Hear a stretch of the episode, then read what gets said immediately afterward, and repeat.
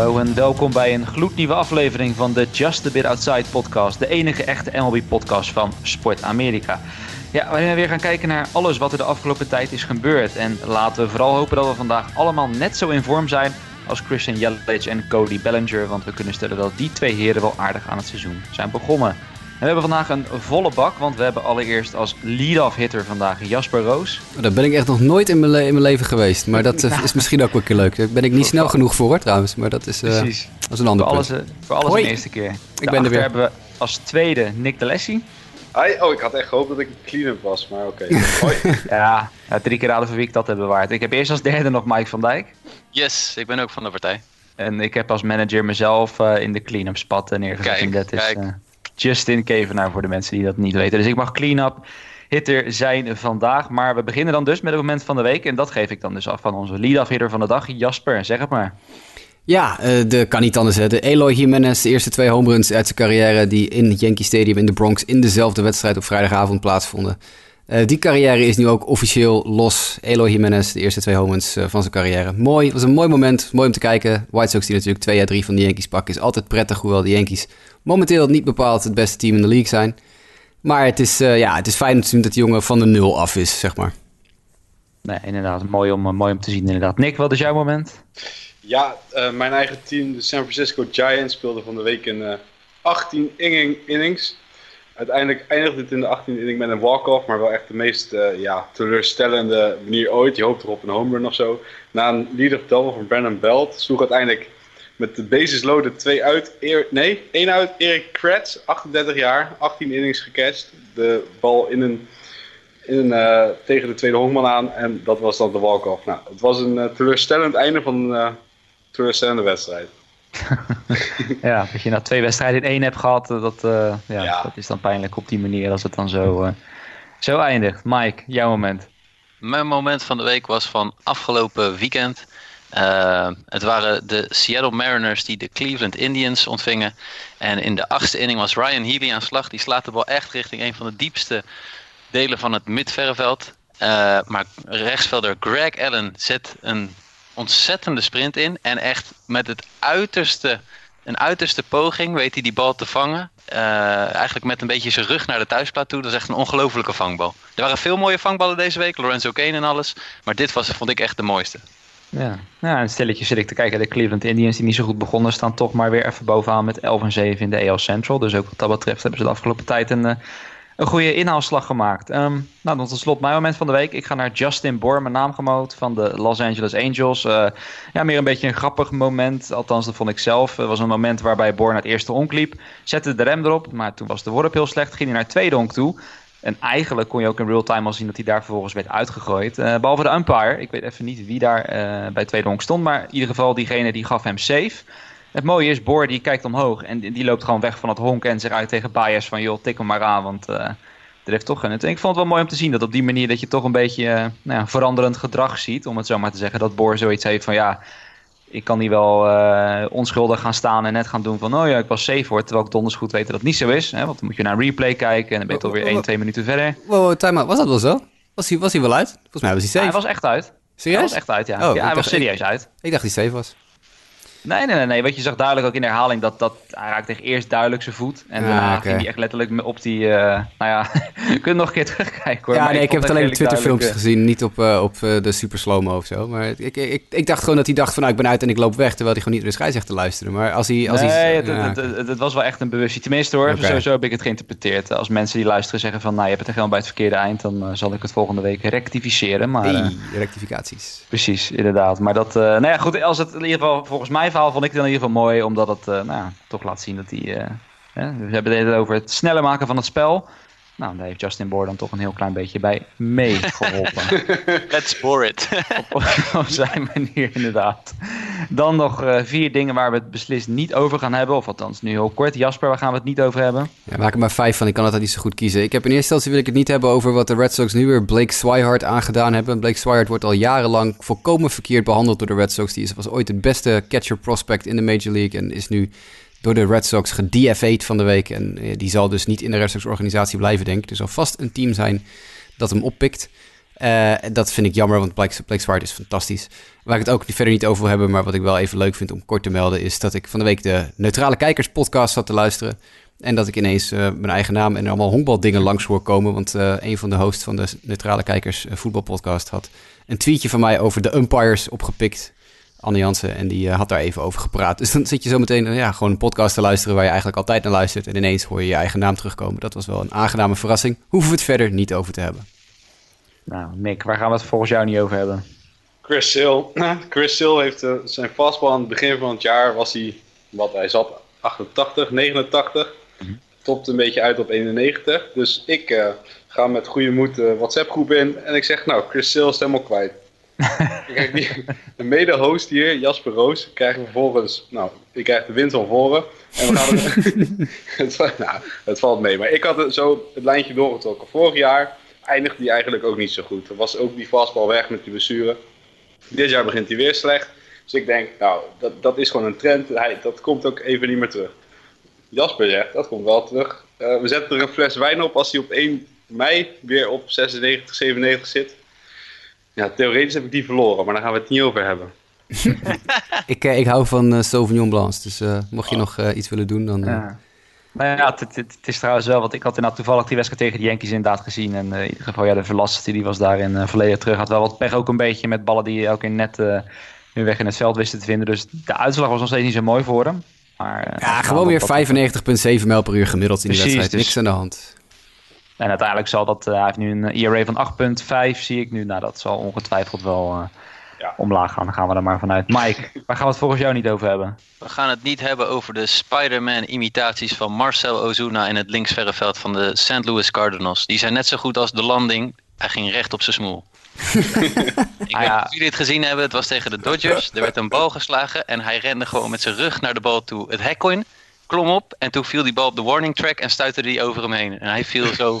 Dat is echt ongelooflijk. Ja, la, laat ik wel zeggen, ik vind het allemaal hartstikke prima hoor. Want diezelfde Marcel Zoen heeft geloof ik ook iets van zeven homers in zeven wedstrijden uh, geslagen. Waar mijn fantasy team dan weer heel blij mee was. Dus dat hij dan buikschijvers maakte in uh, verdedigend opzicht, dat, uh, dat vind ik helemaal mooi. Als dat erin resulteert dat hij elke wedstrijd een homer slaat, zou ik zeggen, ga vooral door met die, met die imitaties, Marcel. Ja, het heeft blijkbaar een goed effect in aanvallend opzicht.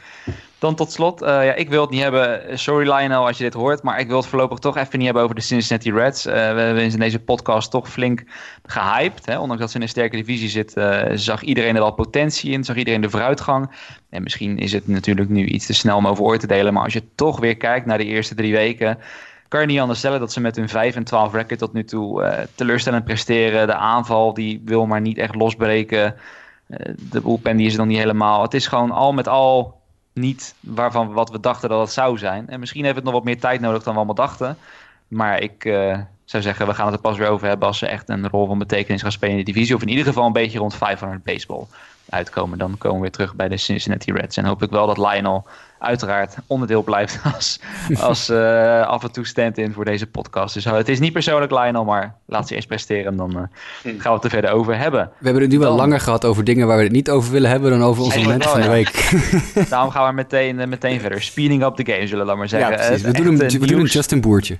Precies, een Justin Boertje inderdaad. We gaan allereerst naar Ozzy Albies, want nou, ook hij tekent een contractverlenging, uh, Jasper. Alleen uh, als ik hier letterlijk citeer wat hier in de outline staat, staat er over die contractverlenging. Holy shirtballs, wat een onzin. 7 jaar, 35 miljoen, twee opties. Dan is de vraag natuurlijk, wat is hier onzin aan? Ik zit op mijn letterlijk op mijn handen, geen grap. Ik zit op dit moment letterlijk op mijn handen, omdat ik mezelf in moet houden. Het is namelijk inmiddels alweer een tijdje geleden. Het is, we zijn natuurlijk, we hebben een showtje overgeslagen, of een showtje overgeslagen. We hebben een showtje een beetje doorgepusht, omdat we dan en meer mensen beschikbaar hadden. En omdat we nu weer zo meteen een break van uh, dikke tien dagen hebben. Um, dus dit was een mooie moment. Maar ik heb dus een beetje al, zeg maar, al mijn stress dat ik hiervan overgehouden heb, heb ik al een beetje kunnen verwerken. Maar toen ik deze deal zag, toen ik dit hoorde, mijn eerste reactie was, huh? En toen ging ik naar Twitter en toen ging ik kijken wat andere mensen zeiden. En het enige wat ik zag was eigenlijk hetzelfde. Jeff Passan van ESPN is er losgegaan hierover van de week. Uh, de jongens van de The Ringer podcast zijn er helemaal op losgegaan. losgegaan. Ben Lindbergh uh, is, is hier ook totaal niet mee. Dit, dit slaat helemaal nergens op. Dit is je reinste league-vervalsing wat de Atlanta Braves hier gedaan hebben. En Ozzy Albies moet morgen zijn agents ontslaan. En dat maak ik, ik maak geen grap.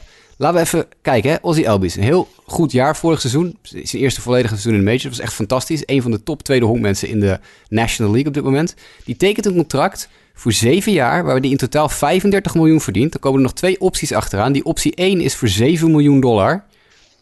De optie 2 ook voor geloof 7 of 8 miljoen. En de eerste optie heeft een buy-out van 4 miljoen. En de tweede optie heeft niet eens een buy-out. Ze kunnen hem dus, die tweede optie kunnen ze hem dumpen. Zonder dat ze daar überhaupt geld voor hoeven te betalen. Je bouwt natuurlijk altijd een, een, een buy-out in je contract. Dat, op het moment dat ze de optie niet oppikken, dat ze dan 1 miljoen, 2 miljoen, 3 miljoen, in dit geval misschien 4 miljoen dollar moeten neerleggen. Hij krijgt dus voor het laatste jaar niet eens een genoegdoening. Ze kunnen hem letterlijk gratis dumpen in het laatste jaar. 35 miljoen in totaal verspreid over 7 jaar voor een speler die bij de absolute top in de National League op zijn positie hoort. Die heel jong is nog. Uh, dit, dit slaat nergens op. En er zijn wel een paar verklaringen voor. Verklaring 1. Waarom doen de Braves dit? Ja, omdat ze gemerkt hebben dat ze Ronald Acuna ook al relatief goedkoop binnen konden houden. Nou goed, oké, je kan nog zeggen Acuna heeft niet zoveel gepresteerd. Maar ja, Acuna krijgt wel gewoon net zoveel geld als uh, bijvoorbeeld een Alex Bregman. Nou ja, oké, prima verspreid over twee meer jaar dan. Want Bregman was zes jaar en, en Acuna acht jaar. Maar toch, oké, dat kan je nog een beetje verdedigen. Het was wel een cheapie, maar oké. Dit, is, dit is ongelooflijk. Waarom heeft Ozzy deze contractverlenging getekend? Ook daar zijn verklaringen voor te verzinnen. Hè, hij is beste vriendjes met Ronald Acuna en wil graag bij hem in de buurt blijven. Nou, dan kan je zeggen dat heeft hij gedaan daarom. Hij komt natuurlijk niet uit een heel rijke achtergrond. Dus je kan zeggen 35 miljoen is meer dan die jongen ooit in zijn leven gezien heeft. Maar de meest schrijnende verklaring waarom dit plaats heeft gevonden... vind ik de verklaring die onder andere Ben Lindbergh gegeven heeft. En ik, ik kan me daar wel in vinden. Uh, de agent van Ozzy Albies, die agentorganisatie... dat is een heel klein clubje. Dat is, geen Scott Boris of zo. Dat is geen ja, ik kijken. Ik, ik, zie hier Sportsmeter staan. Ja, dat is een heel klein clubje. De, de, enige grote naam die daarbij zit is Craig Kimbrell. Dat is letterlijk de enige grote naam, de enige naam waarvan je zou kunnen zeggen dat is. Ja, nou precies. Die heeft niet getekend. Als een speler niet tekent, verdien je er als agent ook geen geld aan. Want je kan ervan uitgaan dat ze ongeveer 10 tot 15 procent commissie op een contract verdienen. Voor de rest hebben deze jongens alleen maar super kleine namen. Spelers die alleen maar kleine, korte deals of league minimum verdienen en dat soort dingen. Die gasten verdienen dus geen geld. Dit is voor hen dus een hele snelle manier om ineens heel veel geld te verdienen. Want stel je voor, ze krijgen dus 10% van die 35 miljoen. Dan krijgen ze dus 3,5 miljoen in totaal. Nou, als je een kleine agency bent, dan kan je daar best wel een tijdje nog van draaien. Ik denk, dat de, ik denk serieus dat de agency gezegd hebben van... hé, hey, we gaan... Uh, dit, dit, er moet gewoon heel snel een contract getekend worden, want het geld is bijna op. Zolang, Kim, zolang Kimbrel niet tekent, is, het geld op. Wat grappig is ook, ik zit hier te kijken, ook op het Twitter-account van Sportsmedia zit ik even op te zoeken. En ik zie hier voornamelijk naast Ozzy Albies highlights dan die ze retweeten, zie ik heel veel Derek Dietrich highlights. Ja, precies. Nou, minor league deal bij de Cincinnati Reds. Ik zie nou ja, wel, wel Nicolas Castellanos hier. Oh, nou, ja, maar die verdient ook nog niet zo heel veel. Die heeft nog, geen, die heeft nog geen supercontract. ik, zie, ik zie één keer ook, ik zie ook Lindor hier voorbij komen dan wel. Hetzelfde verhaal, die heeft ook niet een heel dik contract, volgens mij. Nee, dus, en dat, dat is het dan eigenlijk wel eens een beetje, als ik hier kijk naar wat ze retweeten, het zijn dan die, uh, ja, die jongens, Derek Dietrich weer. Nou ja, Kimbrough staat hier weer over geruchten, dus... Maar ja, dat zijn dan inderdaad, als dat, dat zijn dan dus een beetje de vier, vijf grootste namen die ze. Ja, en, en wat, de, wat de Braves doen is gewoon echt. Ik vind het echt gewoon niet oké. Ik vind het gewoon niet oké. Dit is gewoon. En dus, de, je, je beste een van je beste spelers, een van je betere spelers in je team en je, je absolute toekomst ga je op deze manier een poot uitdraaien. Dat slaat echt helemaal nergens op. Het is, ik zit te kijken. Kijk, ik weet niet wat, wanneer heeft Freddie Freeman dat contract getekend. Want ik zie dat hij bijvoorbeeld uiteindelijk een, een achtjarige deal. Toen was hij, even kijken, dan was hij 4,25. Het heeft hij voor acht jaar 135 miljoen getekend bijvoorbeeld. Nou ja, dat... Ja, nee, goed. Maar dat is 100 miljoen meer. dan, dan, is hij, dan is hij natuurlijk uh, uh, veelvoudig all-star op dat moment al. Maar kijk, kijk, dat je gaat Ozzy Elbis niet uh, een acht jaar 135 ja, miljoen... En, uh, en Acuna natuurlijk, want ik zie je te kijken. Nou ja, de eerste twee, drie jaar daar zitten ze nog een beetje op hetzelfde level. Maar daarna springt Acuna in 2022 naar 15 miljoen. En dan zit Elbis op 5. Daarna springt Acuna omhoog naar 17 miljoen. En dan zit Elbis er weer 10, 10 miljoen achter. Kijk. Hij blijft, oh, de tijd blijft hij, dit, blijft hij 10 miljoen achter zitten. Dat is natuurlijk wel tekenend. Natuurlijk is het nog steeds schandalig veel geld. Maar als je het ja, relatief zo ziet dan, uh, en Acuna is, is, beter. Acuna is beter dan Elbis. Mhm. Op dit moment zeker. Acuna is een betere speler dan Elbis. Maar dat maakt niet uit. Je kan inderdaad niet verkopen dat, dat, dat als deze twee jongens op deze manier hun carrière voor blijven zetten, is Acuna op dat punt niet 12 miljoen meer waard of 10 miljoen meer waard dan Ozzy. Dat is heel simpel. Ik bedoel, uh, Ozzy biedt ook eigenlijk veel meer. Uh, of heeft, de die infield defense is over het algemeen mhm. moeilijker te krijgen. Hij is veel sneller. Nou, noem maar op. Natuurlijk, Acuna is een betere honkballer. Hè? Begrijp me niet verkeerd. Acuna is een betere honkballer dan Ozzy Albies. Dus die zou wel meer moeten verdienen. Maar dit is echt, dit is gewoon league-vervalsing. Als ik een jonge speler was, zou ik niet bij de Braves willen blijven. Op deze manier. Ik zou echt serieus denken van, oké, dus jullie zijn van plan om over een paar jaar dat te geven? Nou, doei. Ik zou ja, me speren. Heeft Ozzy Albies zelf al gereageerd eigenlijk op dit? Of nog helemaal niet? Want ik heb nog niks gezien. Nee, ik heb ook geen officiële reactie nog gezien. het verhaal gaat inderdaad dat hij zoiets heeft van... hey, 35 miljoen, daar kan ik mijn hele familie ruimschoots van onderhouden. Uh, ik vind het prima. Ik, ik heb het goed naar mijn zin in Atlanta. Ik wil bij uh, Acuna blijven. Uh, ik teken wat, wat ze me voorleggen. Maar daar heb je agents voor. Op dat moment moeten agents zeggen van... oké, okay, 35 miljoen is het bodembod. We willen 60, 70, 80 miljoen. Ik bedoel Kijk, nogmaals, iedere club runt zijn financiën op zijn eigen manier. Hè? En het, je hoeft echt niet te discussiëren over... oké, de speler had deze, dit contract niet moeten tekenen... dat contract niet moeten tekenen. Er zijn zat mensen die zeggen... de White Sox hebben Eloy Jimenez een dik contract gegeven... voor 48 miljoen voordat hij überhaupt een bal in de meters had gezien. Dat slaat ook nergens op. Kan je allemaal verdedigen. Maar Ozzy Elbies gaat dus minder verdienen dan Eloy Jimenez... terwijl Ozzy Elbies al anderhalf seizoen super succesvol in de majors is geweest. Terwijl Jimenez niet nou echt super dik betaald wordt. Maar ja, goed, het feit dat hij nog nooit in de Major League gespeeld had... dat heeft dan Daarom hadden we het in de show er ook over een paar weken geleden. Dan, ga je daar natuurlijk een beetje anders naar kijken. Maar er zijn op dit moment spelers die um, minstens net zo goed als Ozzy zijn, die gewoon veel meer verdienen. Weet je, weet je wat voor deal ik denk dat de Braves hem hadden moeten bieden? Nou, misschien ietsje minder, maar laten we zeggen een Alex Bregman-achtige deal. Laten we zeggen, biedt Ozzy Albies 6, 7 jaar 80 miljoen. Praat niemand erover praat helemaal niemand erover. En op dit moment krijgen de Braves de laag van voren van Jeff Passan van ESPN, Buster Olney van ESPN, Ben Lindbergh van The Ringer, uh, Zach Graham van The Ringer. Iedereen is, iedereen is boos op de Braves. Of boos, gefrustreerd. Want wat gaat dit ook doen? En dan zal ik erover ophouden, want ik ben alweer een knetterlange... ik ben hier echt pissed off over, dus ik ben alweer een hele lange monoloog aan het houden. Um, wat gaat dit ook opbrengen. Dit gaat enorm veel problemen opleveren volgend jaar als er een nieuwe CBA, of over twee jaar als er een nieuwe CBA gemaakt moet worden. Want de, de Players Association gaat hier echt niet blij mee zijn. De Players Association gaat dit opvoeren als bewijs dat, er, dat de clubs op dit moment met het niet signen van ervaren free agents voor een redelijk bedrag en het onderbetalen van hun jonge talenten. Want dan kunnen clubs dus zeggen: ja, nee, we moeten ons geld besparen voor de jonge talenten. En daarom gaan we geen dikke contracten aan de, aan de, de free agents uitgeven. Maar vervolgens bieden de clubs onderbetalen de clubs zwaar hun jonge spelers. Want Acuna wordt onderbetaald voor wat hij is. En Elbies wordt helemaal schandalig onderbetaald voor wat hij is. Dus de Players Association gaat hier een ongelooflijk stampij overtrappen als de nieuwe CBA gemaakt moet worden. Dat, dit, kan, dit, dit kan een staking opleveren.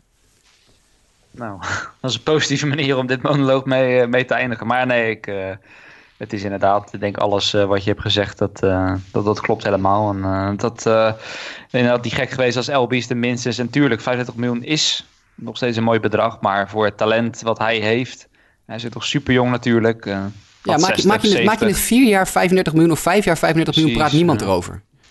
Maar dit, dit, gaat, dit, wordt, dit wordt negen jaar, maximaal wat? 60 miljoen? Minder. Ja, ja, wat zeg ik? Het staat er helemaal nergens op. Nee, het is. Uh, nou ik, stel voor, laten we maar uh, naar het volgende onderwerp gaan, zodat je nog wat energie over hebt voor de. Ja, ik ga nog een keer lossen meteen, maar over iets anders. Maar hey, uh, Nick, heb ik je tevreden gesteld met deze rant? Want je zat je erop voor te bereiden nou, van de week. ja, ik, ik keek er naar uit, maar ik zit gewoon net dat zeggen, wat is dit is dus Jasper die op zijn handen zit, hè? Dus dat kan.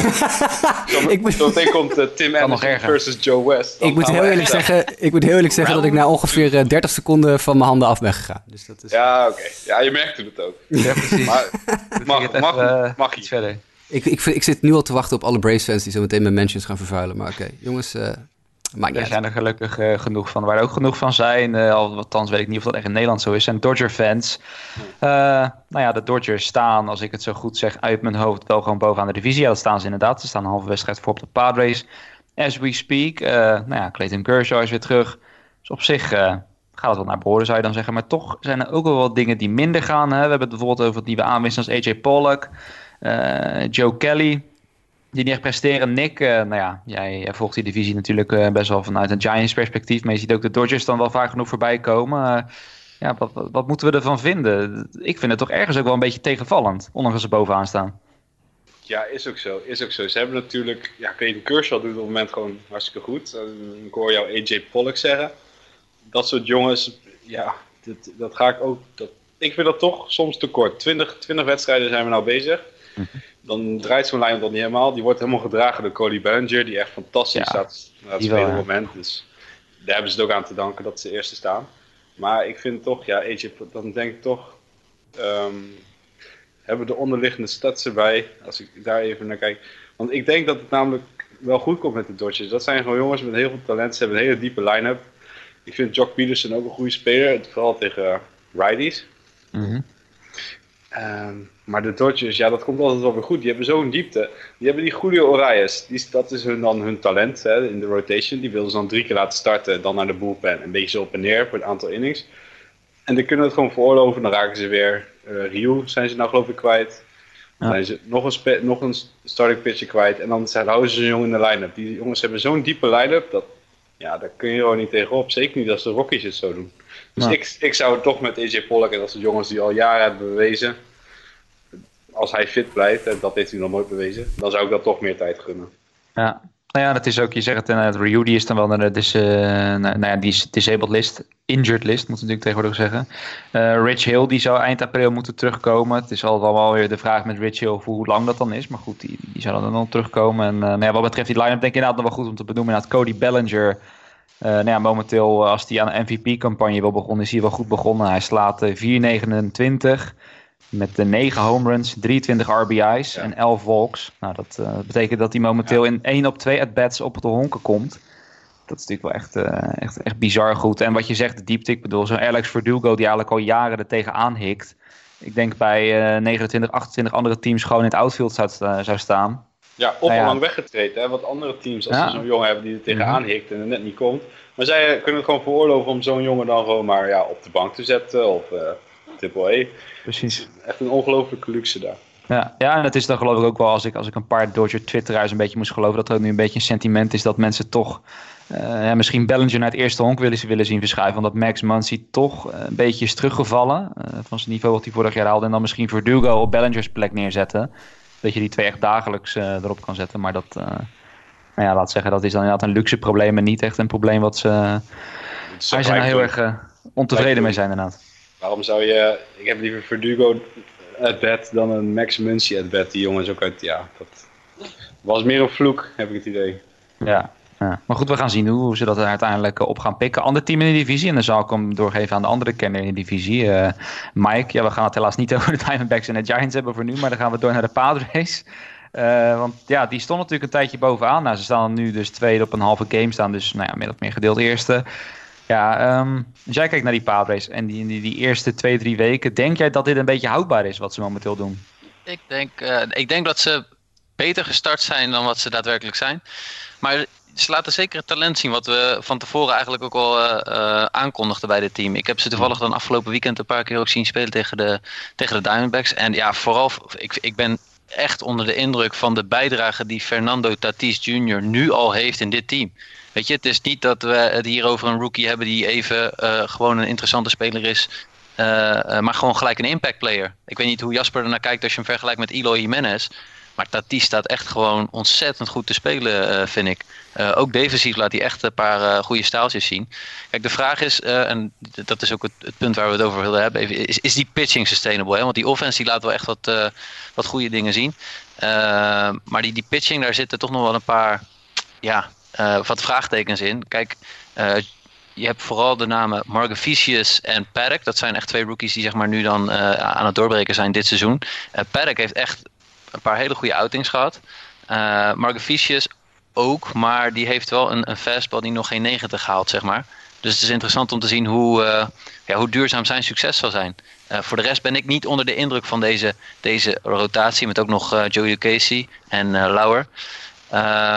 Ik denk dat ze daar op een gegeven moment tegen een blessure of twee aan gaan lopen. En dan, ja, dan blijkt gewoon dat waarschijnlijk de diepte onvoldoende is om echt mee te gaan doen in deze divisie. Nou, maar het, is een, het is een positieve start voor San Diego, dat zeker. Het, het, ik ga het ja. nog eentje erger maken wat dat betreft, of erger voor die jongens. Je, je moet kijken naar precies die rotation die je zegt. Je hoeft niet eens bang te zijn voor blessures bij deze jongens, dat ze uh, het niet vol kunnen houden.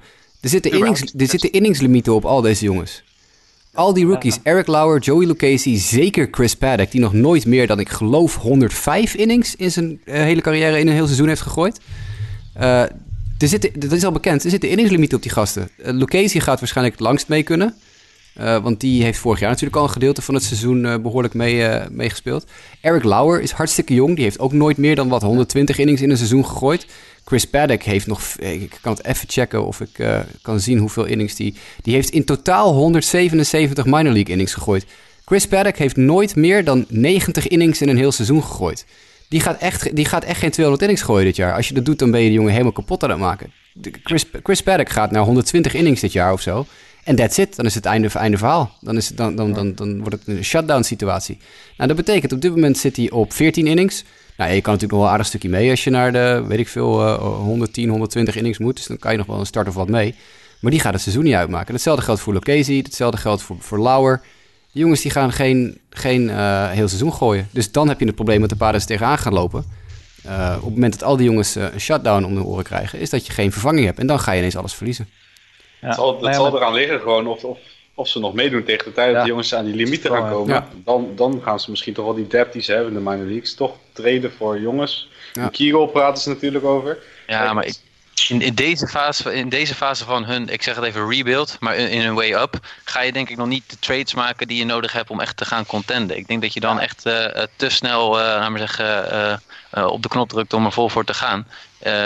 Dit is gewoon nog een ontwikkeljaar voor de Padres. En zoals Jasper dat terecht ook aangeeft. Kijk, iemand als Lucchesi gaat het langste mee, maar die heeft tot nu toe ook nog het minst ongeveer laten zien van die rotatie. Ja, En, en Eric Lauwers, een max aantal innings in, in de minors is 122 en dat was in 2017. Hij gooide vorig jaar 43 innings. Die jongen heeft vorig jaar in een heel seizoen, door ook de blessures en dat soort dingen, 43 innings gegooid. Die gaat echt niet boven de 120 innings uitkomen dit jaar. Die, die jongens die zijn in, in augustus zijn ze klaar. Ja. ja. Nou ja, vooral met Paddock, uh, nou ja, dat zie je dus ook aan de innings van nu. Merk je dat ze hem nu eigenlijk een beetje aan een kort lijntje houden. Dat, uh, ik geloof dat hij in een, wedstrijd van eentje met twee van vijf innings heeft gehad en één outing met, met vier innings, zeg maar. Dus dat is inderdaad nu al eigenlijk een beetje voorzichtig doen en elke keer op tijd uithalen, zeg maar. Ondanks dat hij ongetwijfeld wel van al die jongens, uh, als je zo bij rijtje zit, uiteindelijk wel het meest indrukwekkende Zeker. arsenaal aan werpen heeft. En dat zie je ook aan de onderliggende statistieken. Ik bedoel, uh, gemiddeld 10, 11 strikeouts per 9 innings. als je dat naast de rest legt, dan is dat wel een groot verschil. Uh, maar goed, dat wordt dan een handvraag. Want als je kijkt wat erachter zit. Nou ja, Luis Perdomo hebben ze nu in het bullpen. Die heeft dan ervaring als, uh, als, als, als starter. Maar heeft het toch nooit echt kunnen brengen. En de Nelson Lamet. Die ze ergens halverwege het jaar terug moeten kunnen keren. Dat was een beetje de ace uh, in, in, twee, drie seizoenen geleden.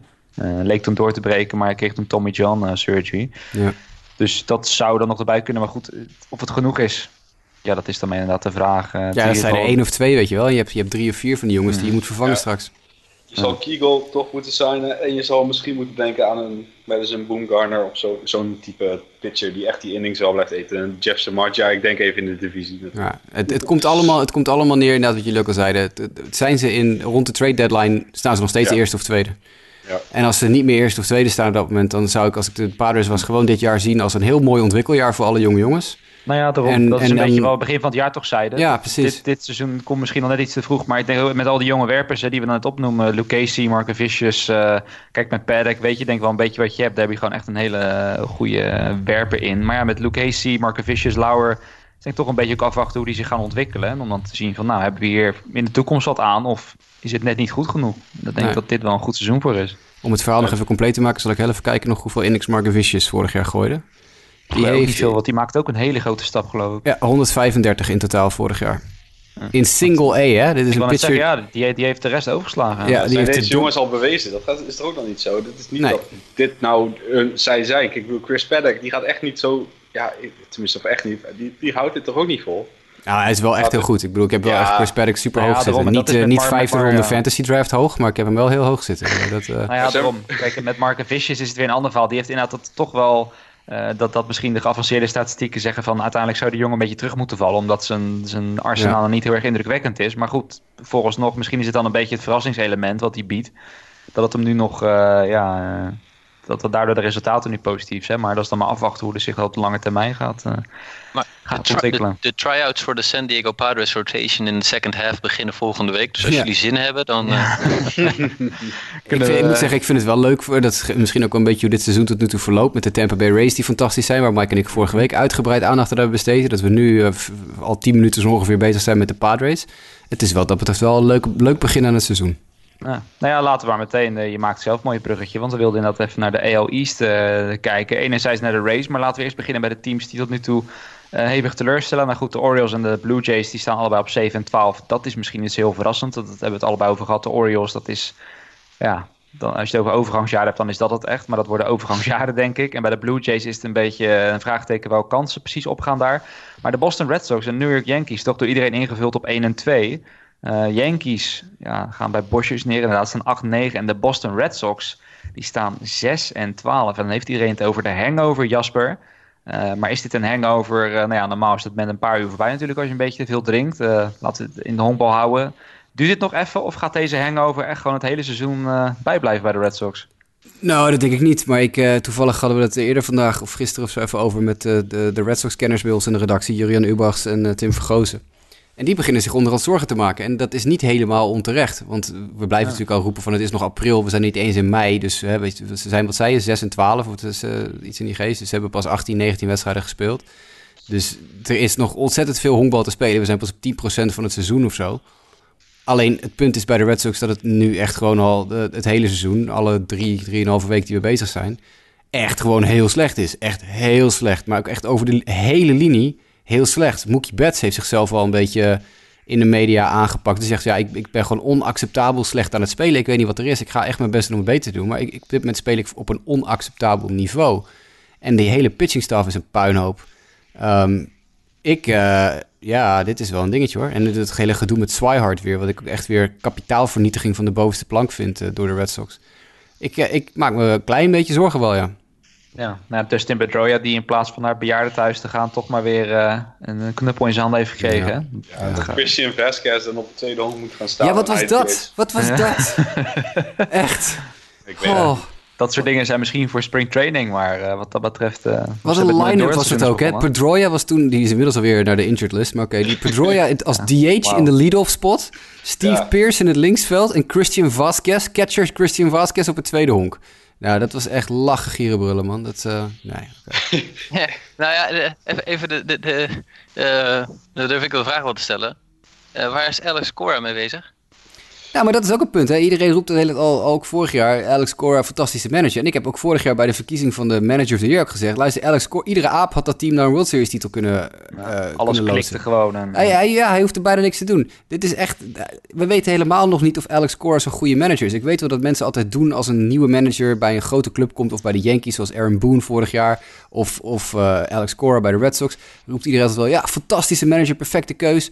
Luister, als je die gozer voor de Tampa Bay Race neerzet, dan is hij, of voor, voor de, laten we een beter voorbeeld kiezen, de Miami Marlins neerzet, okay. Cincinnati Reds neerzet, is het een heel ander verhaal. Dan pas weet je of ja. iemand een goede manager is, want dan heb je gewoon heel ander spelersmateriaal. En deze man heeft de, het absolute crème de la crème. Ja, ik kan ook een opstelling maken met uh, die gasten die daar rondlopen met die payroll. Dat is niet nou zo moeilijk daarom, hoor. Daarom was er vorig jaar wel wat te zeggen voor Kevin Cash inderdaad. Maar ja, ja dan zeggen mensen hij heeft de playoffs niet gehaald en zo. Maar goed, kijk waar hij mee moest werken. Dat Precies. is wel even iets ander materiaal. Nou, dat, dat, vind, en dat, dat, is dit jaar nog veel extremer. Ik bedoel, ja. het pad wat de race vorig jaar ingezet hebben, was echt geweldig. En dat gaat alleen maar door. En ze trekken overal vandaan ineens uh, uh, jongens die ver boven hun niveau uitstijgen, dag in, dag uit. Uh, dat is natuurlijk ook wel le lekker. Maar die Kevin Cash, dat is ook echt gewoon een heel goede, moderne manager. En ik zie bijvoorbeeld ook helemaal niet aan Alex Cora's manager dat hij nou heel erg met de tijd meegaat of zo. Nee. Nee, maar dan ja, dat, ja, als ik dan nog even kort wil zeggen, als je het kijkt naar die line-up, het, eigenlijk aanvallend zijn ook JD Martinez en Zander Bogaerts de enige, met Mitch Moreland trouwens, of all people, uh, die, die, ja, die, die een beetje wat kunnen bewerkstelligen. Want ik had ze dan van de week in twee, of twee wedstrijden tegen de Yankees gezien en het is echt zo stroef. Elke keer weer, als er maar één iemand op de honken komt, dan is het volgens weer drie keer niks. En nou ja, werpend hebben we het erover gehad, oké, okay, er zijn wat issues geweest met Chris Sale, maar daar gaan we dus allemaal vanuit dat het uiteindelijk wel rechtgetrokken wordt. Maar ja, Nate Iovaldi heeft het tot nu toe nog niet. Eduardo Rodriguez heeft het nog niet. Rick Porcello, nou ja, een ERA van 11.12. Dat zegt ook genoeg. Het zijn weliswaar drie wedstrijden, maar pff, dat is uh, niet best als je in 11 innings 14 runs opgeeft. En uh, ook die bullpen zelfs, dat is maar nou, niet heel erg positief als je het zo uh, naast elkaar ziet. Maar Mike, wat wilde jij er nog aan toevoegen? Nou ja, vorig jaar zaten we in dezelfde fase met het, het, hetzelfde team, maar dan scorching hot en waren ze echt -hmm. niet te stoppen toen al. Uh, ik, ik, ik sluit me aan wat Nick eigenlijk eerder in deze aflevering ook zei. Jongens, we zijn twee, drie weken onderweg. Het is zorgwekkend. De, Boston Red Sox hebben duidelijk hun vorm nog niet te pakken. En het is nu aan Alex Cora, vind ik vooral, om die, om die, om die, uh, die clubhouse zeg maar de juiste kant op te krijgen. En hij wordt nu getest. Kijk, ik, ik heb geen, dit is nog steeds het team voor een groot deel dat uh, vorig jaar gewoon de World Series heeft gewonnen. de puzzel vind ik blijft vooral de starting pitching. Maar voor de rest is het team in principe goed genoeg. Alleen is het aan de manager om het beste in zijn spelers naar boven te halen. Ja. Ja. En als je, dan kijkt, als je dan kijkt dat ze nu een, tegen, tegen een, een New York Yankees team wat wat compleet uitgekleed is, uh, zeg ja, maar even. Het was een beetje lammen gewoon... tegen de blinden wat dat betreft. Ja, ja maar goed, de, de, nou ja, zij hebben op zich nog wel de spelers staan die de kwaliteit hebben om een World Series te winnen. De Yankees, die missen al hun spelers, zeg maar, die eigenlijk normaal gesproken dragend zijn. Ja. Wat dat is misschien een leuk bruggetje. Zullen we even dan kort naar de Yankees gaan? Want dat is eigenlijk wel weer een ander verhaal. Dat is het verhaal van uh, het gaat misschien niet zo goed als dat, het, ja, dat ze zouden verwachten. Maar daar is ook wel een reden voor. Want ik ga even alle namen opnoemen. Ik hoop dat dat binnen een minuutje kan. Die op, momenteel op de injured list staan. We beginnen met Miguel Andujar. Dan hebben we Delin Betances, de reliever. Dan hebben we Greg Bird. Dan hebben we Jacoby Ellsbury, Didi Gregorius, Aaron Hicks, Jordan Montgomery, Gary Sanchez, Luis Severino, Giancarlo Stanton en uiteraard Troy Tulowitzki. Nou ja, daar, kan je een line-up mee maken met die gasten die ja. 60% van de hele Major League eruit speelt. Ik wil net zeggen. En die doen het dus allemaal niet mee. Waardoor ze nu onder andere met Gio Urshela op het derde honk spelen. Luke Voigt die veel speeltijd krijgt. Mike Talkman. Ik had er nog nooit van gehoord. Staat in het outfield uh, regelmatig. Kau Higashioka krijgt veel at-bats. Uh, DJ, ja, DJ LeMahieu is een vaste waarde inmiddels in het team. Die is gehaald als backup. Hele, belangrijke rol. Uh, ja, het, het, is wat dat betreft dat is wel heel erg bizar. Maar Nick, dan leg ik hem even bij jou neer. Uh, je zei het net dus al van het is nog vroeg, maar vooral met de Yankees mogen we het wel verwachten. Als eenmaal al die mannen een beetje terugkeren, dat, dat, dat zou wel echt een rol van betekenis gaan spelen, toch? Dat dit even tijdelijk is. Ja, ja al zijn natuurlijk een paar belangrijke namen er wel wat langer niet bij. Luis Severino horen we dadelijk volgens mij nog in Mike's blokje, uh, ligt er een lange tijd uit. Giancarlo Stanton is bijna terug, dat vind ik een hele belangrijke speler daar. Die, Sanchez uh, ook. Ja, Sanchez, maar die is ook bijna weer terug. Hè, ja, over een paar dagen. Ja, nou dat zal wel een uh, slok over borrel schelen, al vind ik uh, Sanchez. Uh, ja, die moeten ze ooit een keer. Ik had altijd gedacht, die halen ze naar één, want daar hebben ze altijd een probleem. Sanchez vind ik geen goede catcher, maar goed, hij heeft een sterke arm, dat wel. Um, dat was even tussendoor. Maar goed, ik denk dat de Yankees die komen er wel bovenop. Ik, ik denk, ja, je ziet dat de diepte is bij ook dat soort teams niet eindeloos. Dan krijg je dat soort namen. En um, ja, ik zou, maak me over de Yankees niet zorgen, over de Red Sox ook niet zo. Dat is, hoe goed de Rays ook bezig zijn, ik denk toch nog steeds Yankees 1, Red Sox 2, helaas. Want ik zou de Rays het hartstikke leuk, het zou hartstikke leuk zijn met die bullpen en dat team. Ja, ik... Ik, ik, ben, ik ben bijna hoor. Ik ben er bijna. Ik, ik ben 80%, 80-20 ben ik inmiddels op. Uh, misschien 75, 25 ben ik uh, voor de race nu. Ben ik bij de race. Ik, ik denk dat ze het kunnen, serieus. Dat is nummer 1 tegen die twee? Ja. ja. Ja. Nog een flesje wijn dan, all or nothing? dat, vind ik, dat, vind ik, dat vind ik goed. Ja, dat doen we. Weet je, dat, aan het eind van het seizoen betalen we één van twee uit. Ja, dat, dat doen we. Doen we. Het wordt eind, eind van het seizoen gewoon een doosje. Ja. ja. het de wekelijkse wijnweddenschap, met, de, de WWW. Ja. Met, met, met Kamp Jasper. Het is vooral, kijk, het, Tuurlijk, het, het gaat ook allemaal.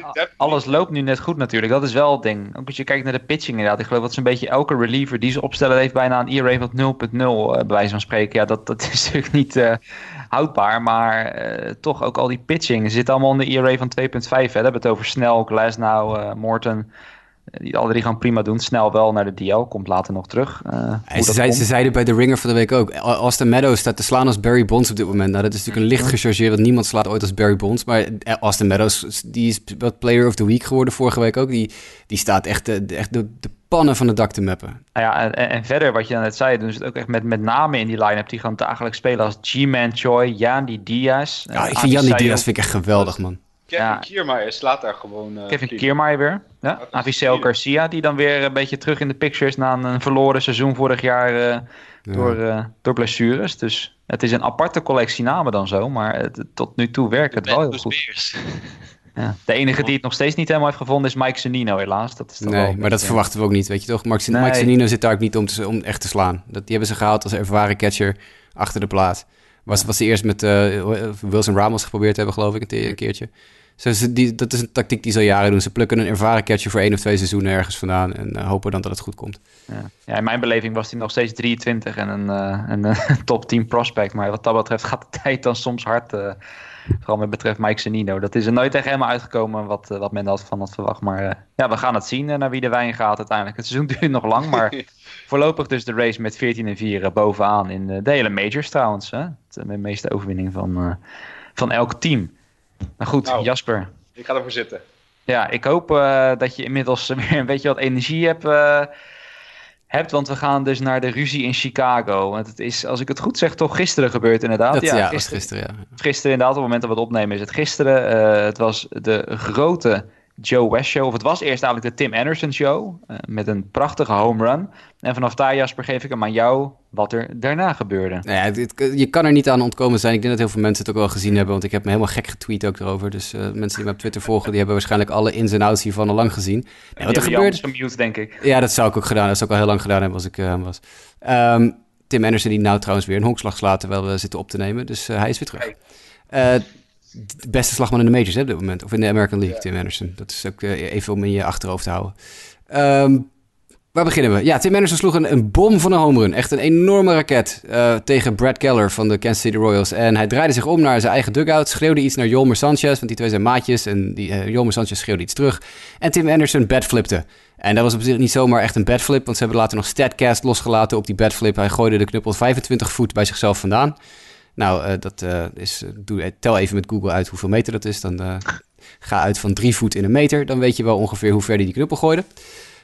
dat was natuurlijk ja, even feestvieren. Maar vervolgens draaide hij zich om en rende hij gewoon heel snel rondom de honk als er niks in de hand. Nou, Brad Keller die ving ook gewoon de bal, draaide zich om naar de heuvel. Er gebeurde verder niks. Alleen catcher Martin Maldonado die riep Anderson al wat na. En ook toen Anderson even later over de thuisplaat kwam, werd hem even wat toegesnauwd door Martin Maldonado die blijkbaar de rol van Salvador Perez op meerdere vlakken heeft overgenomen. Niet alleen zijn catching, maar ook zijn fun police gezeur. um, goed, hoe dan ook, Maldonado die roept wat naar Anderson, niks in de hand, alles, de wedstrijd gaat door. Even later, een paar innings later, komt Tim Anderson opnieuw aan slag. En de eerste pitch was een fastball van 95 mijl per uur die op zijn sodemieter gegooid krijgt. Nou, Tim oh. Anderson natuurlijk niet blij. Je, je weet dan wat, hoe het zit. Dus hij uh, loopt een beetje, hij loopt naar één. Terwijl hij wat, wat dingen zegt tegen Brad Keller. En Keller praat een heel klein beetje terug. Martin Maldonado gaat er tussenin lopen alsof het nodig was. Anderson maakte totaal geen aanstalten om de pitcher aan te vallen. Riep gewoon een paar dingen. Zij nog tegen Martin Maldonado, dat kan je zien later in de video. I'm good, I'm good, we're good. Nou, niks aan de hand. Dus iedereen loopt een beetje naar het honk. En wat op dat moment gebeurt is dat de Kansas City Royals met z'n allen uit de dugout komen rennen. Nou ja, goed, als de Kansas City Royals uit de dugout komen rennen, dan volgen de White Sox ook. Nou, een beetje duwen en trekken. Je weet hoe dat gaat. Gebeurt niet zo heel veel. Alles uh, lijkt met een sissertje af te lopen. Totdat de coaches elkaar zo ongeveer uh, aanvliegen. Rick Renteria van de White Sox en Dale Swayam, de benchcoach van de Kansas City Royals, die gingen behoorlijk tekeer tegen elkaar. Saillant detail. Dale Swayam werd ooit ontslagen bij de Chicago Cubs en opgevolgd door Rick Renteria. dus misschien dat daar nog het een en ander speelt aan animositeit tussen die twee heren. En het begint weer een beetje duwen en trekken. En dan komt Joe West erbij. En Joe West zegt: Nou, ik gooi Brad Keller eruit. Want die werper heeft opzettelijk op iemand gegooid. Dat is natuurlijk een terechte beslissing. Want als je als scheidsrechter denkt: iemand heeft opzettelijk op een slagman gegooid. dan moet je hem inderdaad ejecten. Maar gooit vervolgens ook Tim Anderson uit de wedstrijd. Die dus letterlijk helemaal niets verkeerd gedaan heeft. Afgezien van een bal op zijn sodemieter gegooid krijgen. En nou ja, goed, dan gaat iedereen los. Jason Benetti van de White Sox podcast. Die, uh, nou, het is geen Hawk Harrelson. Maar hij deed een hele goede poging om uh, er in de buurt te komen. En ja, ik heb naar Keith Law van ESPN getweet. Keith Law heeft eh, op Twitter de hashtag UmpShow. Iedere keer als er een, uh, een scheidsrechter een wedstrijd over zichzelf maakt in plaats van over de spelers. Dan gaat er hashtag UmpShow achter. En dus ik tweette naar Keith Law. Uh, er is weer een UmpShow aan de gang in Chicago met Joe West. Met het feit dat Tim Anderson eruit gegooid is omdat hij op zijn sodemieter gedonderd werd.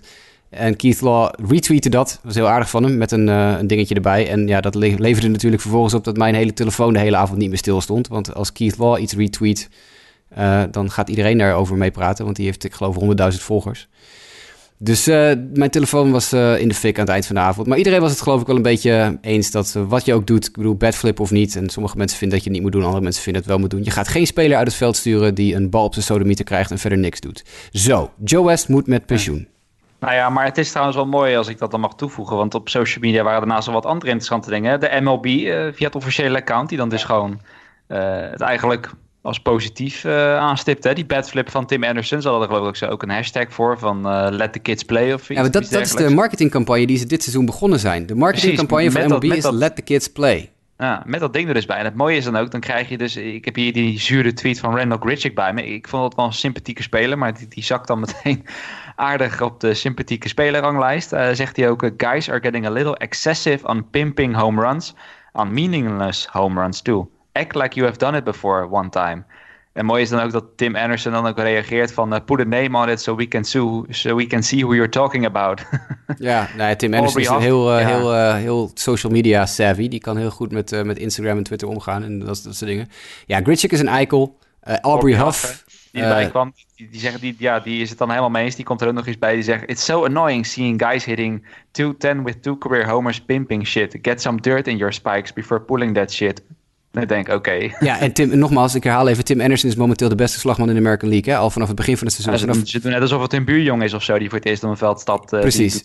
Tim Anderson is op dit moment vanaf dag 1 in de majors al de beste slagman in de American League en heeft nog geen enkele aanstalten gemaakt om minder slecht te gaan slaan op dit moment. Uh, Tim Anderson, dit is zijn vierde seizoen in de Major League. Het is ook niet zo dat hij een rookie is. Tim Anderson heeft, ik geloof, 50 of 60 career home runs geslagen. Het is niet zo dat deze jongen niet weet hoe het, hoe het zit, weet je wel. Het is, dit is gewoon een jongen van dezelfde categorie als Bryce Harper. Die gewoon, ja, als Harper een dikke home run slaat, dat zie je toch gewoon de week ook. Dat gaat ook een enorme bedflip en geschreeuw en gejuich aan vooraf. En als pitchers een dikke strikeout gooien, staan ze toch ook fuck yeah, weet ik veel, op de heuvel te schreeuwen. Ja, we moeten wel heel veel gaan bliepen, jongens, in deze show op deze manier. Ja, ja dat maakt het wel, ja. ja. maakt niet uit. Het is een PG-18. Uh, maar dat, dat mag ook. Ik bedoel, wat, wat, is dit nou? Eh, een slagman mag niet een home run vieren, maar een pitcher wel een, heel belangrijke strikeout. Wat krijg je dan? Mm -hmm. Zometeen slag met zijn knuppels naar de werpers gaan gooien, omdat ze denken van, hé, hey, uh, je had niet uh, zo, zo blij mogen zijn met die strikeout in mijn vorige slagbeurt. Wat is dit nou voor ontzettende onzin? Dit, dit zijn jongens die gewoon... Tim Anderson zegt ook terecht, ik ga niet, ver, ik ga niet veranderen. Dit is wie ik ben. En de mensen komen naar het stadion om een show te zien, dus waarom geven we ze geen show? Er is een reden voor dat, dat de, het, het, de, de het publiek bij honkbalwedstrijden al jaren extreem veel ouder wordt. De, de, gemiddelde leeftijd van een honkbalkijker is geloof ik 53 inmiddels. Nou, honkbal heeft een imagoprobleem bij de jeugd. Dit is de manier hoe je dat imagoprobleem oplost. Eén van de manieren hoe je dat imagoprobleem oplost. Laat dit soort jonge gasten gewoon lekker gek doen. Laat dit soort jonge gasten betalen schreeuwen. mensen niet voor Joe West? Nee, dat, ja, natuurlijk betalen mensen voor Joe West. Dat idee heeft Joe West wel zelf. ik, ik, ik zou geld betalen om negen innings lang Joe West uit te kunnen jouwen vanaf de tribune. Dat wel, dat is wel waar. Dus in zoverre betaal ik wel geld. Ron echt... was eerder dit jaar ook lekker bezig met dat soort figuren. Ja, maar ja, was dat met AJ Hinch toch? Dat, ja, dat ja, ja, die, die, die al de hele tijd op de Astros zat, uh, zat ja, te pikken en uh, zat te wachten tot iemand eruit kon sturen. Ja. Die zegt dus op een gegeven moment letterlijk tegen AJ Hinch, Hinch I will do what I want. Want dit, dit, dit, soort dingen. Umpires denken dat ze, dat ze boven de wet staan. Want ze worden en bijna nooit gestraft. Je moet echt heel ver gaan, moet je geschorst worden. Uh, door de MLB. Dan wordt het ook nog eens een keer niet openbaar gemaakt. Dus dan heb je ineens voor de volgende wedstrijd... dan verwacht je Joe West in de crew. Dan is hij er niet. En is het, oh, wat is Joe West? Ja, die heeft een weekendje vrij. Oké, die heeft een weekendje vrij. Dan is hij dus geschorst. Maar dat wordt, er wordt geen rugbaarheid aangegeven. Er is geen accountability. Er is geen transparantie. Na deze wedstrijd gisteren tussen de Royals en de White Sox... heeft de volledige AP presspool, alle journalisten die er waren... hebben gevraagd of ze met de umpire crew konden praten... over wat er gebeurd is en de beslissingen die genomen zijn. Dat hebben ze geweigerd. Dat mogen ze ongestraft ja. doen. Scheidsrechters hoeven dus in Amerika geen verantwoording af te leggen... voor het feit dat ze een wedstrijd beïnvloed hebben. Gisteren verliezen de White Sox die wedstrijd met, ik geloof, 3-2 of 4-3 van de Royals uiteindelijk... omdat ze de wedstrijd uit moeten spelen zonder hun beste slagman die notabene nog zijn plek in de line-up kwam twee keer aan slag met lopers in scoringpositie. Maar in plaats van de beste slagman in de American League staat daar Jose Rondon dan te slaan, omdat hij er, die andere jongen er voor niets is uitgegooid. Dus daar is direct een lijn te trekken dat de White Sox een kans om die wedstrijd te winnen is ontnomen door Joe West. Zo, zo, zoals de luisteraars horen, uh, Jasper zit niet meer op zijn handjes. Nee, ik, nee, maar er zijn toevallig twee dingen waar ik me heel druk om kan maken. Dat is het, oh, het naaien van jonge spelers wat de Braves met Ozzy Albies hebben gedaan en Joe West. En de White Sox, ja. Ja, dat is puur toeval. Ik was hier, ik, nou, ik was hier net zo los over gegaan als een andere, ander team was. Dat ben ik serieus. Want ik, ik ben zo kotzat van mannen als Joe West en Angel Hernandez... die nog steeds wedstrijden loopt te callen... terwijl hij een rechtszaak heeft lopen van discriminatie tegen de Major League. Ik word zo kots, kotsbeu van die gasten. Ik wil niet over die jongens praten. Ik wil alleen maar over ze praten als ze zeggen... jeetje, wat staat die goede wedstrijd te callen. Die gast, ik weet niet wie het is, hele jonge knul... Die achter de thuisplaats staat, uh, stond bij die wedstrijd gisteren tussen de Royals en de Whites. Ik heb die hele wedstrijd nou gekeken. Ja, ja, je stuurde toch ook een tijd terug ook van die statistieken van uh, wie de meeste correcte balls en strikes uh. En dat het overwegend jonge dertigers waren of zelfs nog Ja, minor league call-ups. Jongens uit de minor leagues die aan het eind van het seizoen, die een half seizoen meedraaien. de beste waren. En ja, alle die slechte die zaten aan de kant van de 50, 60 plus. Ja, ja Ted Barrett en, en Joe West, die staan er gewoon in de top 5 van meeste foute calls per jaar. 34.000 foute calls worden er gemiddeld per jaar gemaakt door scheidsrechters. En alleen heb je het over balls en strikes. Daar, daar, ging dat onderzoek over. Nou, Joe West staat daar ook gewoon weer tweede. Ik geloof dat 15 of 16 procent van zijn calls zijn fout. Dat is veel.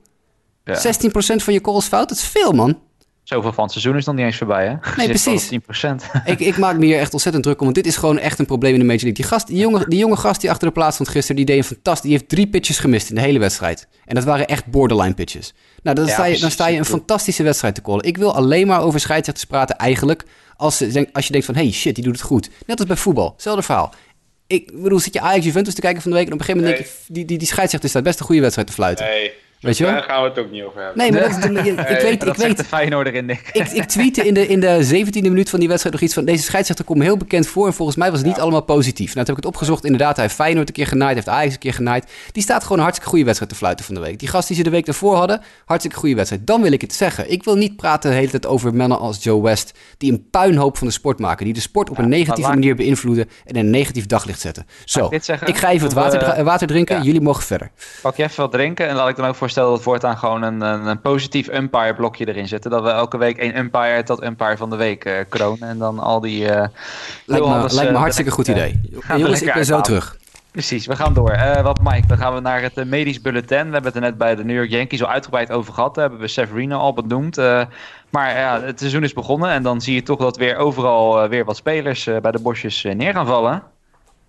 Ja, ja, nou ja, er werd er net al eentje genoemd inderdaad. Severino tijdens spring training viel hij uit. En hij gaat nu in ieder geval met een, uh, een lat strain niet in actie komen voor de All-Star break. En hetzelfde geldt voor zijn teamgenoot Dylan.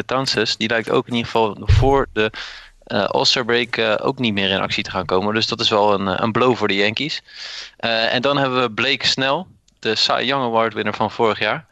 Ehm, ja, Jij kan het verhaal het beste vertellen volgens mij, maar het heeft te maken met een teen en hoe het er verder uit kwam te zien. Ja, het, het was ja ik, ben er weer trouwens, jongens. Even tussendoor, ik ben er weer. Mooi. Ja, waar bij Blake Snells badkamer uh, incident. Ah, nou, ja, oké. Okay, als ik goed heb begrepen, uh, was het dat hij een, uh, hij wilde iets van een, ja, een rekje of zo pakken of zo op de grond stond. En hij dacht dat het, dat het één heel deel was, maar hij had niet door dat het uit twee delen bestond. waardoor het ene deel dus nog hard op zijn tenen viel. waardoor nou ja, om het zo maar te zeggen, er niet heel erg florissant uitzag. En het dus dusdanig erg is dat hij even, even niet kan pitchen. Dus wat dat betreft heeft hij wel weer een uh, goed verhaal uh, voor in het clubhuis, waar hij waarschijnlijk nog lang, uh, lang aan herinnerd gaat worden, denk ik. Ja, en een vervelende blessure. Want ik geloof dat Jasper een goed voorbeeld heeft van iemand anders die ook zijn teen brak. En de carrière daarna eigenlijk als een nachtkaarsje uitging. Ja, Dizzy, Dizzy Dean, Hall of Fame werper Dizzy Dean, geboren in 1910. Hall of die op een gegeven moment inderdaad zijn teen brak. En uh, toen hij terugkwam van die blessure zijn werpbeweging aan moest passen... omdat anders zijn teen te veel pijn deed. En toen zijn arm de versukkeling gegooid heeft. En uh, zijn carrière binnen, ik geloof, een jaar of twee jaar uh, ten einde was. Natuurlijk wel uiteindelijk een Hall of Famer, maar toch eeuwig zonde dat dat door een teenblessure komt. Dus ik hoop dat de gebroken teen van Blake snel iets minder serieus is. Kijk, nou dat hopen we dan ook voor, uh, voor Bleek Snel. Uh, andere uh, naam die nog naar de disabled list is gegaan, dat is vandaag eigenlijk zojuist bekend geworden, was Lucas Giolito. Die heeft zijn hamstring verrekt. de pitcher van de Chicago White Sox. En voor de rest, ja, ik kan een hele rij Yankee spelers met alle blessures op gaan noemen, maar dan gaan wij niet binnen de tijd blijven vandaag. Nou ja, mag ik er nog wel eentje? Ik zit er net te denken om het dan aan te vullen. Mike Clevenger is denk ik wel een goeie, hè? Want dat is denk ik ook best wel, uh, best wel belangrijk voor, voor, de, voor de Indians. Hè? Ik heb begrepen, dat, ik zal het even opzoeken, het staat hier. Uh, nou ja, placed on the 60-day injured list zelfs. Due to an upper back strain. Expected to miss 6 to 8 weeks. Wat natuurlijk echt zonde is. Begon supergoed aan het seizoen. Uh, daarentegen, aan slag, Francisco Lindor zou wel weer of vandaag of vrijdag uh, vrijdag, als ik het geloof ik uit mijn hoofd uh, goed zeg, zou hij wel weer meedoen. Dus dat scheelt dan wel. Maar dat vond ik ook wel een blessure die ik tegenkwam. Ik dacht van dat is... Ja, ja, je ziet natuurlijk nooit graag jongens met blessures, maar dat is echt zonde dan. Klopt. En... zijn rug. Dat, kijk, en dan kan je nogal eens uh, snel oud worden hè, met je rug. Mm -hmm. Maar dit schijnt dan toch met zijn spieren te maken te hebben. En dat zou wel weer kunnen herstellen, geloof ik.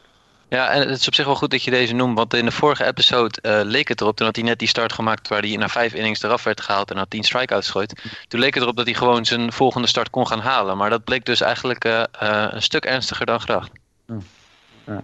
Nou ja, zonde inderdaad. Dus dat uh, ja, het is altijd jammer als je dat soort spelers uh, uit ziet vallen. Uh, nou ja, je zei het al, de Yankees gaan we het dan verder niet over hebben, want dan krijg je het inderdaad niet af. Laten we dan nog maar één ding toegaan.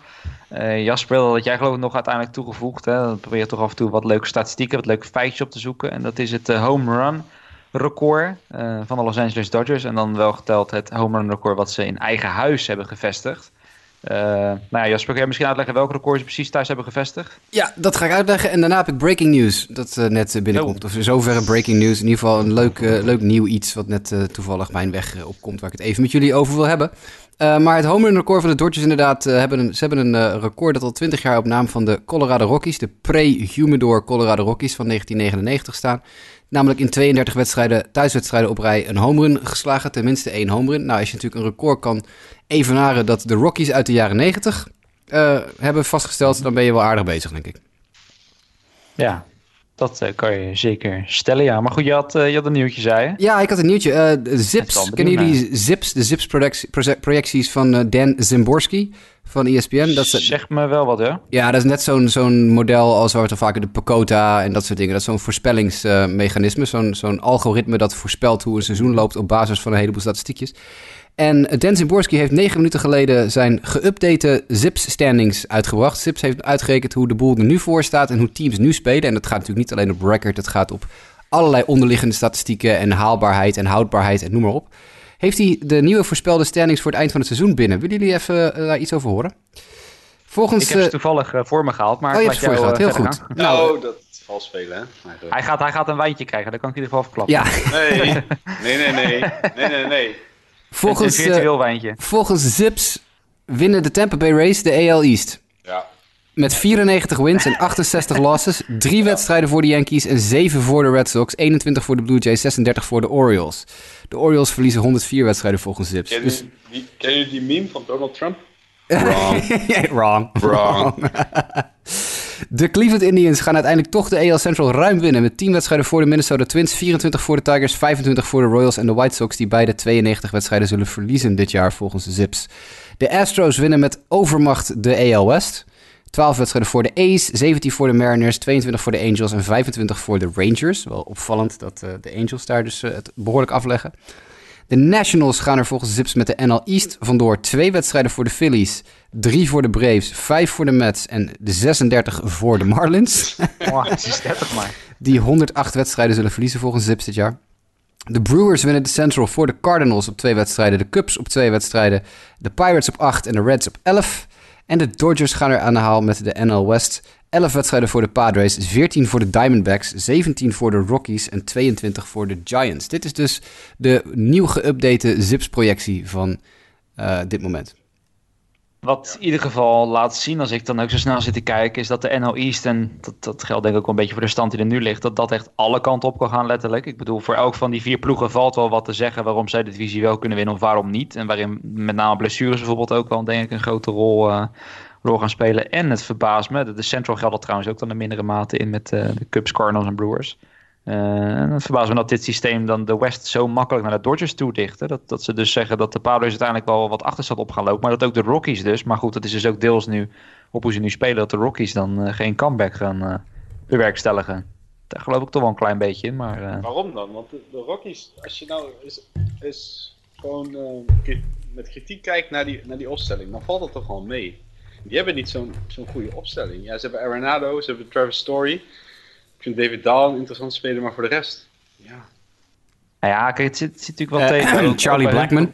Qua ja, blessures, okay, Ik bedoel, uh, dat helpt natuurlijk ook niet mee. Hè. David Dahl is nu oud, Ian Desmond. Uh, nee, David Dahl komt vandaag weer terug.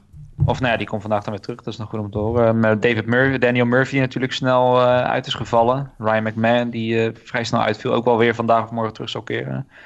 Ik ben het met je eens. Misschien zijn we wel iets de positief vrees over ze. Maar toch denk ik dat ze met wat ze hebben wel zeker tweede moeten kunnen worden. Aan de andere kant. systeem zouden ze dus vierde worden. Ze zijn natuurlijk ja. misschien aanvallend niet zo lekker bezig. Maar aan de andere kant staan Herman Marquez, Kyle Freeland en John Gray fantastisch te pitchen. Dus ik bedoel, mm -hmm. dat, is, dat het moet op een gegeven moment uh, iets, iets gaat weer samenkomen, toch? Die, Nou ja, pitch- die Herman pitching gaat niet zo goed blijven en die offense gaat niet zo slecht blijven. Nou ja, daarom, want ze hebben heel veel echt low-scoring games verloren. En dat is natuurlijk best wel atypisch voor de Rockies. Normaliter is het andersom. Ik vind dat geen goede offense, serieus. Als ik, ik zit naar die opstelling te kijken, dat is geen goede offense. Ja, er zitten vijf, vijf All-Stars. Is dat niet genoeg? Vijf? Ik, ik bedoel, ja, oké. oké. Ja, maar bij de Giants, bij de Arenado Giants zitten story. waarschijnlijk er ook veel All-Stars. Maar dat zegt ook Ja, maar dat, dat kan je het precies. En je kan hetzelfde zeggen, want Herman Marquez en John Gray hebben allebei leuke stats, maar die zijn echt voor, nou, 40% tegen de Giants gehaald op dit moment. Ja, op dit moment wel. Ja. Maar goed, Ja. Marquez hebben we vorig jaar, is niet voor niks, is die eh, vorig jaar uitgebroken. En, en Freeland heeft ook één keer op zijn sodomieten gehad dit jaar, was voor de rest ook hartstikke goed. John Gray, ja goed, daar hebben we het al heel vaak over gehad. Daar, daar twijfel ik ook altijd een beetje aan. Die, die jongen die heeft fantastische stuff, maar die kan het nooit vasthouden. Dus dat, dat, daar ben ik wel met je eens. ja. Dat is, dat, Gray is, twijfel ik ook een beetje aan hoor, maar dat... eh, ja. Ik denk dat die, dat die line-up is gewoon niet goed genoeg. En derde is gewoon... Derde? Nee, vierde staan ze daar. Of derde? Vier, Of boven de Diamondbacks, denk ik. De Diamondbacks zetten ze er nog tussen toch, geloof ik. Ja, Ja, wat, dat- trouwens, Zips, meteen- zet de Rockies vierde, ja inderdaad. Ja, wat, dat, laten we dat dan meteen erbij pakken trouwens. Want die vraag kwam al binnen. We hebben het nu toch erover. Er was van Dennis Jansen. Die, die vroeg ook inderdaad, ja, wat is er aan de hand met de Rockies? Maar Nick, jij zegt dus gewoon heel simpel. eh, Ja, wat er aan Ja. de hand is, is dat ze gewoon niet zo goed zijn als dat wij misschien dachten. Kijk, en, en dat- dan krijg je zo die, die eh, verhalen over core scores, weet je wel. En dan worden de meeste runs scoort deze offense. Maar dat is inderdaad gewoon park effects. Als we dat gaan aan- aanpassen. En dan zie ik gewoon niet eh, genoeg offense daar in die line-ups. Ik zie Arenado wel, ik zie Blackman wel. Ik zie David Dalvik, goede speler. Ehm, nou, Daniel Murphy vind te oud. Ian Desmond, dat, ja, als ze die niet zo wilden betaald, was hij al lang uit honkbal geweest. Het is, het is, het is, ik vind het toch... Ja, Ja, ik ze hebben vind het Daniel, Murphy. Daniel Murphy speelt op dit moment niet eens. Die is gewoon geblesseerd. Dus dat, die, moet, die moeten we niet eens eh, meerekenen. En je hebt natuurlijk ook te maken met een, op een paar kritieke plekken... dat er jonge jongens even moeten wennen. Ryan McMahon en Garrett Hampson. We hebben het al een paar keer over die jongens gehad. Ja. Garrett Hampson heeft een heel stroeve start aan het seizoen gehad. Die begint net van de week weer een klein beetje... Hij heeft geloof ik de eerste twee goede wedstrijden achter elkaar gespeeld. Nou, misschien is die jongen nu een keer een beetje aan het opwarmen. Dat is een beetje DJ LeMahieu plus. Moet je dat zien? Misschien eh, vergelijkbare power en veel sneller nog. Eh, met heel super goede defense. Ryan McMahon geloof ik enorm in. Dus ik zie ook echt wel gebeuren dat daar iets, eh, iets van, van gaat komen. Dit is gewoon misschien even een offense die nog even moet gellen. Ik, ik ben minder in paniek over de Rockies dan ik bijvoorbeeld zou zijn over... nou, de Red Sox wil ik niet zeggen, maar de, Yankees. Die, die hebben natuurlijk gewoon veel, een enorme blessurelijst. Dat is veel moeilijker om van terug te komen dan gewoon even een slechte twee weken hebben met je offense. Ik bedoel, ieder team gaat door slumps. Ik, ik geloof nog wel in de Rockies. Ik zie nog wel eh, als... eh, ja, als alles een beetje normaliseert. En ze krijgen op een gegeven moment natuurlijk ook Daniel Murphy weer terug over een week of twee, drie. Eh, ja, ik zie, dat wel, ik zie dat wel goed komen. De derde is echt hoog haalsbaar. Nee, Nee, ik, ik, blijf voor gewoon meer. tweede gaan worden. Ze gaan gewoon Ja. tweede worden. Het is gewoon een kwestie van eh, even tijd, even een slechte start, even uit vorm in het begin. Maar op het moment, dit, gaat, dit team gaat gewoon rollen op een bepaald moment. Ik heb ze geloof ik aan het begin van het seizoen op eerste voorspeld. Dat weet ik niet of ik dat eh, gelijk ga hebben. Maar ik denk ook dat ze tweede nog wel kunnen worden, ja. Daar sluit ik me bij aan. We gaan het zien eh, wie daar een eh, flesje wijn voor, eh, voor krijgt of de Rockies tweede worden. Of, maar eh, één per aflevering. Hè? of niet. Ja, Ja, laten we blij- dat maar doen. Anders dan gaat het wel heel erg hard. Ja, dan moeten we De wekelijkse wijnweddenschap, jongens. eh, Precies. Eh, dan verder, want-. Ja, Oké, ga maar.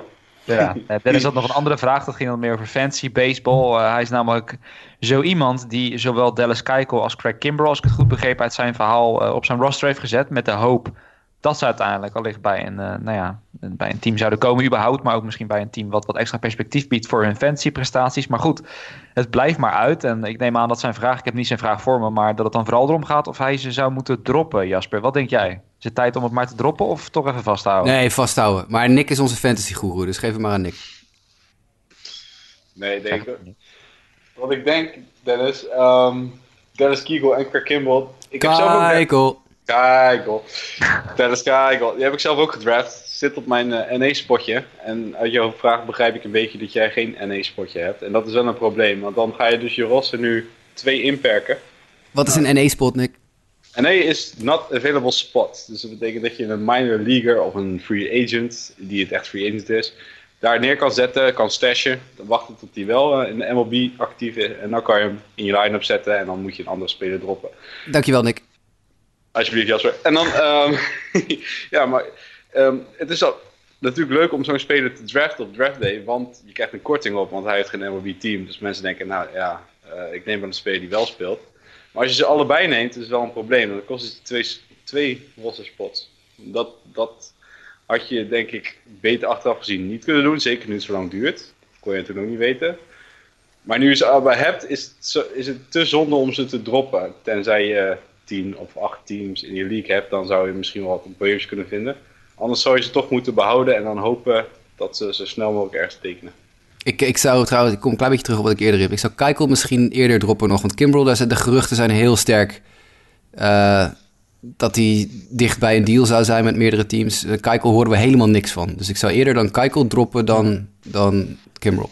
Nou ja, ook omdat de upside denk ik veel... Ik bedoel, ja, met alle respect voor Dallas Keikel... maar ik denk dat je toch ook wel genoeg alternatieven kan vinden... van jongens die nu gewoon in de major spelen... en eh, dezelfde productie of misschien zelfs betere productie eh, kunnen halen. Kijk, Kimbrough is toch een ander verhaal. Ik bedoel, overal waar hij tekent wordt hij waarschijnlijk een closer.